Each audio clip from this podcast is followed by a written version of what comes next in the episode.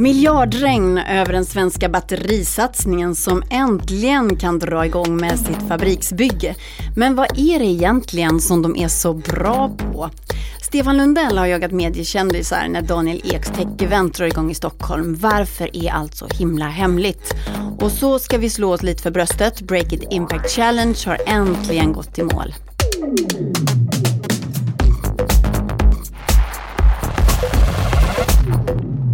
Välkommen till Breakits podcast, podden där vi spanar om nya spännande företag och entreprenörer. Stefan Lundell kommer strax hit för att prata om den superhemliga konferensen Brilliant Minds, den som Spotifys Daniel Ek står bakom. Paret Obama har ju anlänt till stan för att vara med på det här kändistäta eventet och Stefan, han har försökt nästla sig in där. Nu kommer först några korta nyheter. Klarna gick med 98 miljoner i förlust under det första kvartalet i år. Det är första gången sedan fintechstjärnan började redovisa kvartalsvis som de visar röda siffror. Men vi är inte alls oroade. Allt vårt fokus ligger på tillväxt kommenterade Ifa Holihan, kommunikationschef på Klarna. Elsparkcyklarna har invaderat landet och gatorna kryllar av dem. Men nu verkar det som om det första bolaget kastar in handduken i kriget om Stockholms elsparkcyklister. Häromveckan så försvann nämligen uppstickaren Glide från gatorna och i appen så är det helt tomt. Vi har sökt de ansvariga bakom Glide men inte fått något svar. Så vet du var de har tagit vägen? Har du något tips så hör gärna av dig. Spotify ska granskas. Datainspektionen har lovat att vara mer noggrann med att kolla så att GDPR-arbetet sköts på bolagen. I veckan så gick de ut med att de granskar Spotify efter flera klagomål på streamingjätten. Spotify svarar att de välkomnar granskningen och att de ska försäkra sig om att användarna får all den information som de har rätt till. Hej! Olle Aronsson och Camilla Björkman här. Vi är två av entreprenörerna bakom Breakit. Och vi vill uppmärksamma er på att Atea sponsrar podden den här veckan. Mm. Och eh, Atea vill slå ett slag för deras Microsoft-produkter som blir allt mer populära. Microsoft har ju sin Surface-serie som är grymt snyggt designade datorer. De har ju liksom kommit ikapp Apple och andra vad gäller att göra prylar som ser bra ut även inredningsmässigt. Mm, det tycker jag verkligen att de har gjort. Och det, jag tycker det börjar märkas överlag att Microsoft har framtiden för sig. De har ju gått fantastiskt bra på börsen och själva mjukvaran är ju extremt mycket vassare nu än tidigare. Eh, senaste åren har de ju lanserat Office 365, de har också förvärvat LinkedIn och GitHub och de har verkligen väldigt mycket på gång känns det som inom B2B-spåret. Mm, jag håller med, det är som att hela deras ekosystem av så här mjukvara och hur det hänger ihop med hårdvaran har blivit mycket mer användarvänligt och smidigt jämfört med hur det var förut. Ja, jag kunde inte sagt det bättre själv. Och om du som lyssnar vill hoppa på det här framgångsrika Microsoft-tåget så tycker vi att du ska gå in på atea.se e-shop och spana in Microsoft-prylarna som Atea säljer där. Tack Atea för att ni sponsrar podden.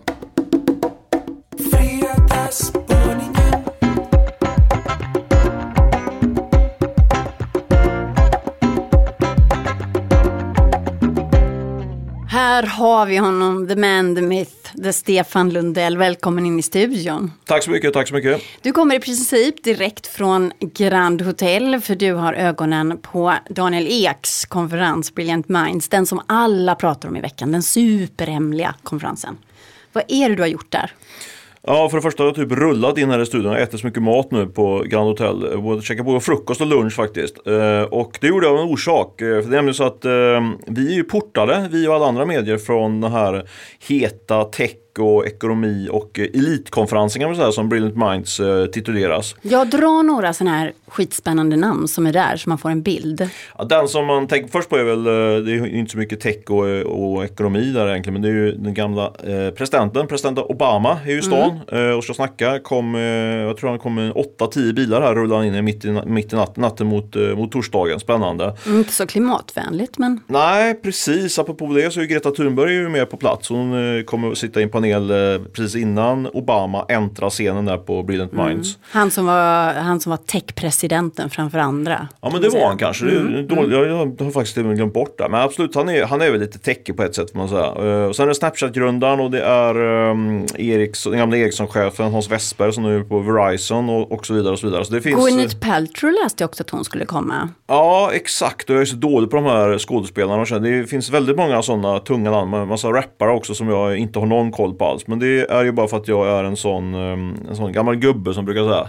Men vad ska de göra där allihop, de här? Ja, det kan Brilliant man fråga Minds. sig. Det kan man fråga. Jag träffade, det, det, Brilliant Minds är ju ett event som drog igång för fem år sedan. Jag, jag, jag träffade, det är Daniel Ek då, Spotify-grundaren tillsammans med, med, han brukar tituleras Aviciis gamla manager, Ash Pronorni heter han i efternamn. Jag är dålig på efternamn, men eh, man brukar bara prata om honom som Ash. Och eh, jag träffade faktiskt Ash eh, innan han drog igång det här för fyra, fem år sedan. Eller måste ha varit för fem, drygt fem år sedan då. Då han skissade på de här stora planerna han hade. Och grunden är väl, då var i alla fall tanken att man skulle förena tech och musik då eh, i, i djurförening. Och sen har väl kan man säga att det spektrumet, eller vad man ska kalla det, vidgas lite grann. Så nu handlar det väl om tech och näringsliv och eh, mycket fokus också på hållbarhet då eftersom Greta Thunberg är med eh, inte minst. Så tanken är att man ska samla då eh, några av världens skarpaste hjärnor och, till- och så ska de tillsammans nätverka och fundera kring hur man ska lösa problemen i världen. Lite förenklat kan man säga. Och det här har alltså pågått i fem år och nu först har journalisterna blivit portade, eller? Ja men precis, Eh, fram tills nu, vi har faktiskt, jag har faktiskt varit inbjuden och alla, även alla andra journalister de senaste åren här då. eh, Och, eh, men nu, jag tror att det var i samband med, ja det vet jag inte, men, men just när Obama kom dit så, och så fick de väl, så blev det ju så himla hett det här eventet och sen så var det väl liksom en, en tanke om, även det här är ren spekulation men det vill kanske göra det ännu hetare liksom. Det blir alltid mer spännande. Vi står ju och pratar om det här nu liksom. Jag tror inte jag faktiskt har pratat om det om det varit öppet eventet. Men i och med att det är stängt då blir folk intresserade och då blir det ännu mer uppmärksamhet och kanske bättre impact Det är då. jätteroligt för du har liksom inte brytt dig om att gå dit de senaste fyra åren när du har blivit inbjuden och plötsligt är du inte inbjuden och då blir det så här, va? Jag Ja, jag vet, ja, men det, ju, det säger väl mest om mig som det person säger något om förmodligen. psykologin hos människan. Ja men lite så, jag är väl en som, jag är väl som alla andra människor och det är väl lite, vad heter det, det för FOMO heter det va? Fear of missing out. Ja, det är ju en det. riktigt eh, sån stark eh, faktor som jag tycker känns, det känns som det blir bara starkare och starkare ju, ju mer åren går här, både för mig och för, Den för drabbar världen dig stort. som en, eh, som en slaghammare i pannan. Ja men absolut och det är just därför som jag tänkte att eh, vi, vi eh, gjorde lite grann som en kul grej men vi kände vi, vi kommer inte in på eventet och eh, därför så, så vi försöka eh, trycka oss in på ett annat sätt då. För de, de hänger ju då på Grand Hotel, det är ju där som hela eventet är, den stora delen av, av eh, de här sakerna som ska ske de närmaste dagarna. Så det var därför jag gick dit då och eh, det började med att käka frukost och sen så hängde kvar där över lunchen för att om möjligt då få, få kunna spana in de här högdjuren när de är in action så att säga. Ja, du såg lite annorlunda ut idag när du kom in på redaktionen för du hade en ljusblå kavaj på dig så du såg lite extra fin ut. Ja, du skrattade lite. Ja, men, nej, men det var jättefint Stefan. Men jag Ja. tänker du, du matchar Grand Hotel bättre i den där kavajen än den vanliga hoodien, eller hur? Ja men absolut. Mm. Men frågan är, jag sprang ju på där på frukosten faktiskt eh, Hans Westberg då på, som, eh, som tidigare var Ericsson-chef. Han fick ju kicken därifrån och sen blev han faktiskt Sveriges mest, bäst betalda vd. Han på Verizon där. Tror han ca- cashade in typ 200 miljoner förra året.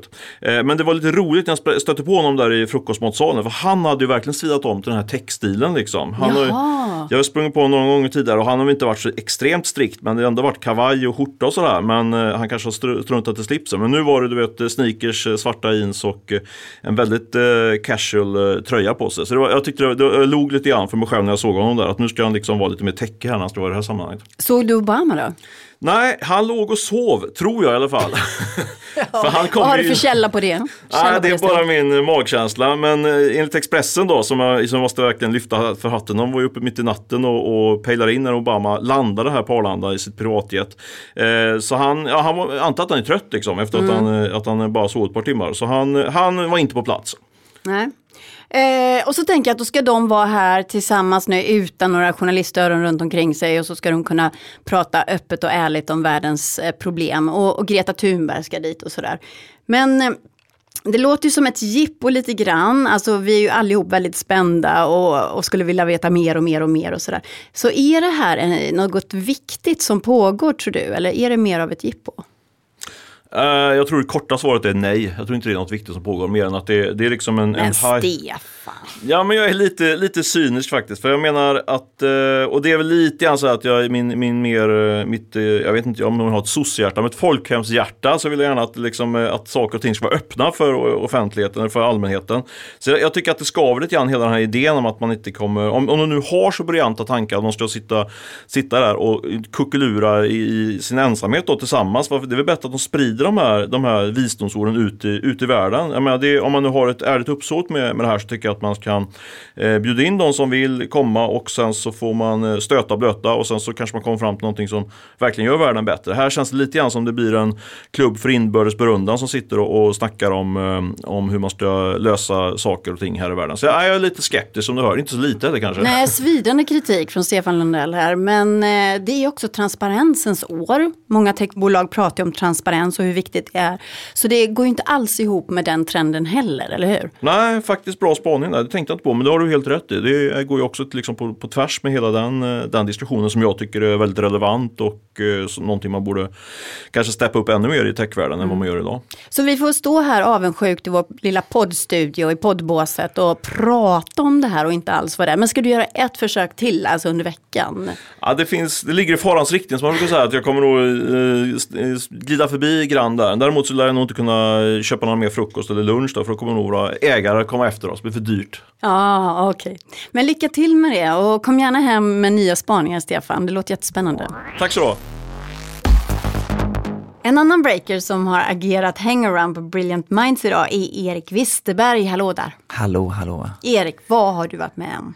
Nej, men jag satte mig centralt placerad på ett strategiskt ställe med en kopp kaffe i handen och väntade på Grand Hotel. Och först dök ju Joel Kinnaman upp eh, sprang in där i lobbyn. Och sen så kom Greta Thunberg i sin gula regnrock och hon är ju ett av liksom de hypade namnen här så jag passade faktiskt på att hugga henne för att fråga vad hon tänkte säga till den svenska tech-eliten och så här lät det.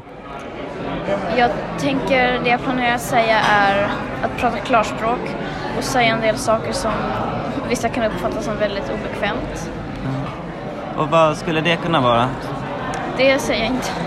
Nej, Men är det något speciellt som du kommer att fokusera på idag i och med att det är mycket företagsledare här till exempel? Nej men, eh, i det här talet fokuserar jag mycket på eh, vad heter det, klimaträttvisa. Ja, det måste vi springa. Ja, och det där var eh, pappa Thunberg, Svante, som eh, fick ta med Greta, för det var många som ryckte i henne och ville att hon skulle iväg helt enkelt och inte stå och snacka med mig. Mm. Vad gav det mer då, dina ansträngningar för att få veta vad som händer innanför de här stängda dörrarna på Brilliant Minds? Ja men som alltid, grundjobbet görs ju dagarna innan så vi hade ju lite bra personer eh, på plats helt enkelt som kunde berätta vad som hände. Och eh, för en stund sedan så hörde jag på Obamas tal också, vilket ju var det mest eh, hypade på hela Brilliant Minds. Mm, vi spelar in detta torsdag kväll alltså du och jag. Precis. Mm. Vad sa han då? Han pratade ju, började med att skämta faktiskt om att han numera jobbar som Michelles, alltså hans frus, business manager. Han kände sig lite i skuggan av hennes liksom, PR-framgångar med boken och föreläsningsturnén och så. Han har inte skrivit någon bok än eller? Nej, han sa att han var halvvägs ungefär mm. med sin. Mm. Men så pratade ni också om vad han och Michelle vill lägga fokus på i framtiden och då sa han att det var just att liksom, hitta och stödja nästa generations ledare. Och han nämnde faktiskt också Greta där vid namn helt, eh, från scenen.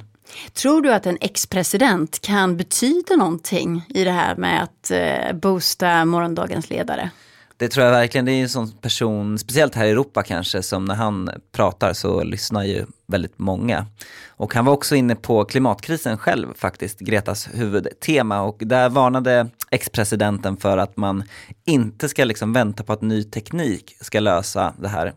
Om det var något som han lärde sig som president så var det att det behövs ledarskap snarare än ny teknik. Så ja, det var ett visdomsord från Obama eh, om klimatkrisen från Brilliant Minds. Tack så mycket för din spaning Erik. Tack.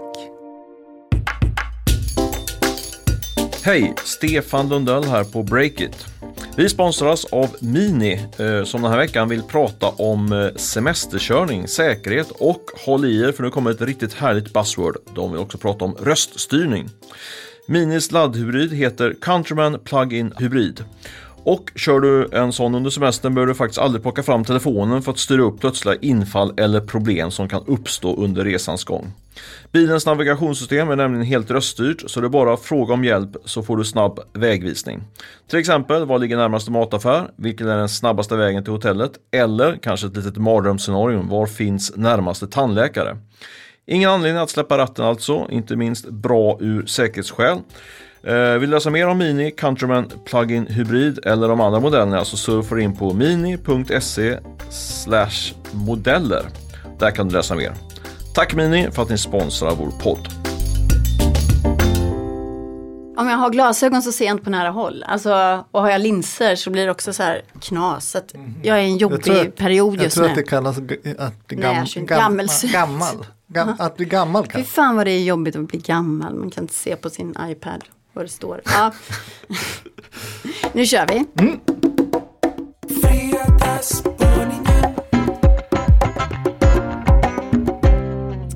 Det är klart nu. Den svenska batterisatsningen Northvolt får in de 16 miljarder kronor som de behöver för att bygga sin stora batterifabrik utanför Skellefteå. Och hur lyckades de med det då, Jon Wahlqvist? Ja, först ska jag kanske säga det att det var ju faktiskt våra vänner på D Digital här som grävde fram det här som sen bekräftades på onsdags eftermiddagen. Vi får credda de som creddas bör eller vad det brukar heta. Så ja, det är precis 16 miljarder kronor har de fått in i total finansiering nu. Det är inte direkt något man snyter ut sig i näsan det. Nej, men du svarar fortfarande inte på frågan. Alltså Northvolt har ju fått någon slags status som näringslivsdarling skulle jag vilja säga. Politiker har stått på kö och hyllat det här projektet och kommunerna då som slåss om var den här fabriken ska byggas. De har skålat med champagne med, med Peter Karlsson och sådär. Och det har till och med snackats om att Northvolt skulle kunna bli den nya svenska basindustrin ungefär som gruvindustrin var en gång i tiden. Och sen ändå har det gått några år och varit väldigt många turer innan man då har fått in några pengar. Så vad var det som hände nu då? Hur lyckades man? Alltså det är ju sant att eh, det har pratats mycket om det här. Mycket snack, lite verkstad. Ja, men man får ju också tänka på att det är väldigt, väldigt, väldigt mycket pengar som ska in. Alltså 10 miljarder, det är inte liksom en vanlig startup-investering vi pratar om riktigt här. Utan det, det är ju som sagt väldigt mycket pengar och då är ändå inte det här ens hälften av de eh, 40, stru- ungefär 40 miljarder som det sägs att hela det här stora projektet behövs. Så det är en bit kvar helt enkelt. Ja, verkligen. Och det säger de ju faktiskt själva att, att eh, det kommer liksom vara en konstant eh, jakt på kapital det här egentligen. Men eh, med det sagt då så får man ju hittills säga att den gamla Tesla-medarbetaren Peter Karlsson har ju, han har ju jagat ganska bra ändå får man ju säga. Han har ju både lyckats skärma de här stora globala bolagen som Samsung och Volkswagen och dem. Och dessutom får man sig Ikea. Det är med, de har en, en fond som heter, en stiftelse förlåt, som heter Impass. Vad ska de ha med batterier till då? Är det Ja, alla I- så här Ikea- Internet of Things och sådana där Ja, batterier? precis. Ikea gör ju många sådana där satsningar nu verkar det som. De vill ju bli eh, klimatpositiva och sånt där. Ja, De har ju det. Mm. stora sådana satsningar. AMF är med och ett eh, gäng större institutionella investerare, så heter det. eh, bland dem då den här jättestora investmentbanken Goldman Sachs som leder den här rundan då. Som, Mm. Och sen har de fått EU-pengar också. ja, precis. De har fått ta ett lån på ett par miljarder från Europeiska investeringsbanken. Och det är det som har gjort att man fått ihop den här summan. Det är alltihopa. Den här rundan nu som stängdes här i onsdags, den är värd strax under 10 miljarder kan man säga. Men vad är det då de ska göra? De ska bygga en fabrik för alla de här pengarna. Ja, den ska ju byggas i Skellefteå då som vi har sagt tidigare. Och eh, jag ringde faktiskt och pratade med mm, kommunikationschefen på Northvolt, en väldigt trevlig herre som heter Jesper Wigart. För att ställa frågan, liksom, vad är det som är så speciellt med fabriken? Och han sa att det handlade om vertikal integration. Vet du vad det är? Näringslivsord, ingen aning. Nej, det visste inte jag heller, så jag fortsatte ju fråga honom såklart. Bra, Jon. Eh, det, det handlar egentligen ganska enkelt om att man gör flera saker på samma ställe. Traditionellt när man har gjort batterier, då har man byggt liksom en del, kanske den kemiska processen har man i ett ställe, så transporterar man den till ett annat ställe, där man kanske gör hela battericellerna, och så ett tredje ställe där man sätter ihop alltihopa.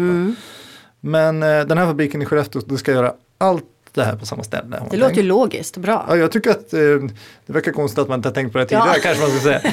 Eh, Men det finns ju säkert fördelar och nackdelar med allting. Ja. Och så plus ska man ha den här åter, en återvinningsstation för de vill ju återvinna så mycket som möjligt. Ah, det så de kör hela kedjan Precis, alltså? hela eh, kedjan. Det blir liksom en komplett, eh, mer komplett batterifabrik än vad de traditionellt är.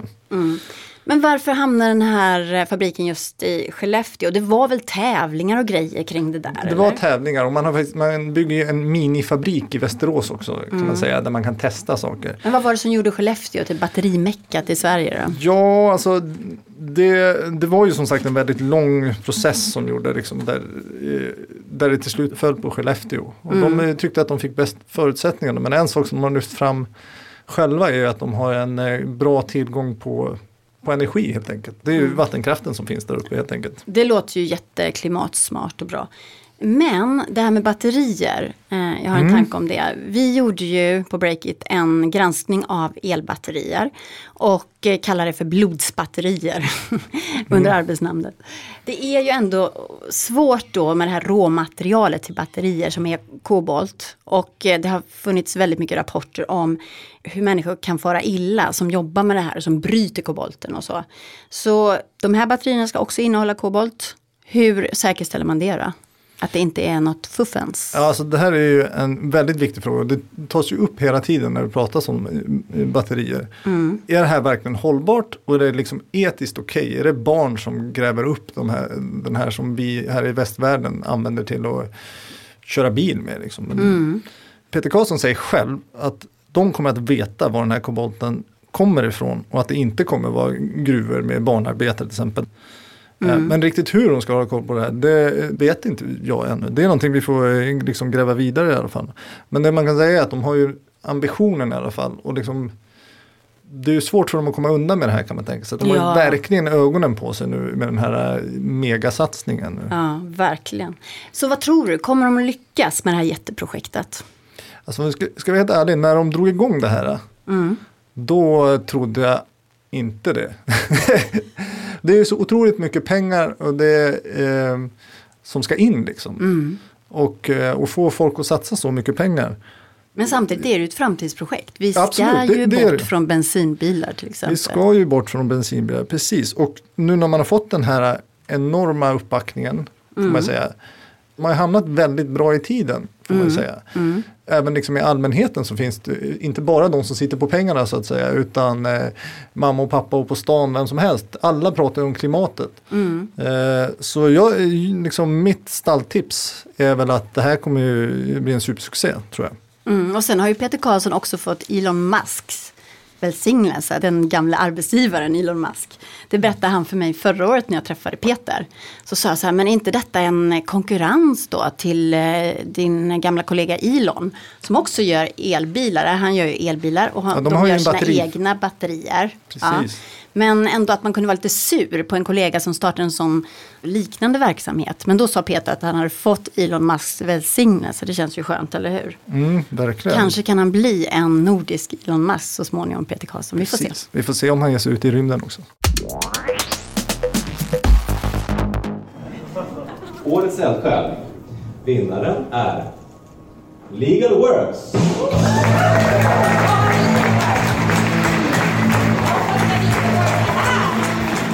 I onsdags så gick vi i mål med Break It Impact Challenge med en hejdundrande fest i Norrskens lokaler här i Stockholm. Camilla Björkman, välkommen in i poddstudion. Tjena Kat.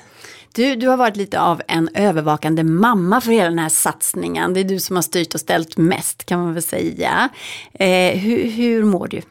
Eh, Just idag är jag väldigt trött måste jag erkänna. Det var en sån urladdning från den här festen. Eh, så att jag har suttit i hela veckan. För de som inte har hängt med, kan du bara kort beskriva vad Break It Impact Challenge är för någonting? Mm, det är en klimatutmaning där vi på Breakit utmanat näringslivet att bli klimatsmarta. Så 430 bolag signade upp sig för att eh, haka på den här utmaningen och eh, på 30 dagar så har de fått fem olika steg från Breakit som vår fantastiska redaktion har satt ihop eh, tillsammans med experter och ehm, Vad kan det vara då, så att man får en bild? Ja, men det var allt ifrån eh, se över sitt kontor så att det blir klimatsmart till eh, eh, företags resor, till att klimattweaka sin affärsmodell, till att se över sina leverantörer eh, och slutligen klimatkompensera för det man inte kan göra någonting åt. Spännande för att eh, då fick man alltså redovisa sen vad man har gjort på de här områdena skicka in små rapporter och sådär. Ja men precis, det pågick ju då under 30 dagar. Ett eh, steg varje vecka. Eh, och sen så fick man redovisa varje fredag så att man då kunde visa att vi har klarat det här steget. Och i slutet så var det 227 bolag som hade klarat alla fem stegen som fick diplom på Norrsken som är vår samarbetspartner i detta eh, i eh, onsdags. Alltså över 200 bolag som klarade varenda steg. Vad hade du själv för förväntningar när det här drog igång? Ja, men när vi satt och spånade kring att göra en klimatutmaning så tänkte vi så här, men eh, vi kanske kan få in 20 bolag då, och de får vi ragga in, liksom. vi får ringa och jaga dem. Ehm, och så är det kanske 10 bolag som klarar sig igenom de här stegen. Så att vi är ju i smått chock att vi eh, fick med oss så många och att de alla har varit så engagerade. Mm. Var det något speciellt som stack ut under de här 30 dagarna? Ja men till exempel eh, när Klarna, jättebolaget, gick med så eh, Eh, bara att de gick med från början för det visar ju, det kommer ju påverka en massa andra bolag till att ta ansvar för klimatet och eh, de skulle åka på konferensresa till Berlin men, eh, och flyga då men har istället hyrt ett helt tåg som en del av deras personal kommer åka på.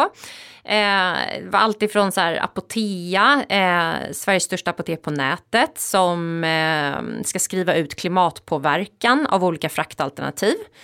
Lilla talarförmedlingen Carmentus som har köpt domännamnet Speakers for Future där de ska promota klimatsmarta föreläsare och alltså hundra liknande saker. Så det har varit helt overwhelming att Och, och man eh, kanske följa. behöver en sån här kick i baken, att någon säger så här, tänk ut nu vad ni kan göra. Och så gör man det verkligen, annars, annars blir det ju inget av. Ja men verkligen. Jag tror att en, en lärdom för oss som har dragit igång en sån här utmaning men som andra företag kan lära av också. Det är att någonstans så minsta möjliga motstånd i instegsprocessen. Vi gjorde ju bara så här, signa upp och så drar vi igång på måndag. Det är lite som att signa upp på en bootcamp. Ja men vad bra, då har jag signat upp och så behöver jag inte göra så mycket mer förrän det drar igång. Och sen ser man, okej, eh, nu första steget var att fixa kontoret, men det är inte så himla svårt. Eh, andra är resorna, inte så himla svårt heller. Sen blir det svårare och svårare, men då är man redan fast. Och eh, så gör vi det ju dessutom för någonting väldigt bra, så man blir mycket mer motiverad. Men finns det risk för att att eh, det känns som ett bootcamp och så klarar man de här 30 dagarna och sen så lägger man ner de här tankarna och, och idéer och fortsätter inte på det här sättet? Jo, jag, eh, ja, absolut, så kan det nog vara. Men eh, jag tycker mig ha sett hos eh, de flesta som har gått det här att ah, det är så mycket pepp, inspiration. Eh, människor har på riktigt liksom börjat förändra sina liv. Det låter så här det låter så himla stort, jag vet, men jag kan bara se på mig själv som har då raderat alla taxiappar. Jag åkte jättemycket taxi förut, köpt en cykel och börjat cykla och vad det har lett till att jag cyklar varje dag och börjat tänka på hur jag reser och ehm, ja, jag tror att eh, det är ändå mycket större chans att det håller i. Men skulle det inte hålla i så kan man gå Break It Impact Challenge igen. Alltså det är ju gratis, man kan gå hur många gånger som helst och vi ska köra nya omgångar redan i höst. Ska ni? Japp, då får, då får du haka på Kat. Ja. Med podden. Jag har haft ett annat jobb nu i vår och flugit som en himla dåre så att jag känner mig, jag känner mig snuskig här Ja, på Breakits redaktion. nya tider i höst, det är bara att börja om. Alla kan, eh, man har en ny chans. Men kan man tjäna pengar på att eh, peppa folk på det här sättet? Alltså, vi har inte gjort det här för att tjäna pengar, eh, utan det har varit gratis. Eh, däremot så har vi haft sponsorer, alltså Nordic Green Energy, SJ och Kivra, som har, de har backat projektet. Så det är tack vare dem som vi har kunnat genomföra det. Och sen engagemanget såklart. Säger en pepp Camilla Björkman, affärsutvecklingschef här på Breakit. Tack för att du kom hit. Tack! Och där är podden slut för den här gången. Jon Wahlqvist är redaktör för den här podden. Fredrik Nilsson sköter tekniken och Olle Aronsson är ansvarig utgivare. Själv så heter jag Katarina Andersson. Tack så mycket för att du har lyssnat.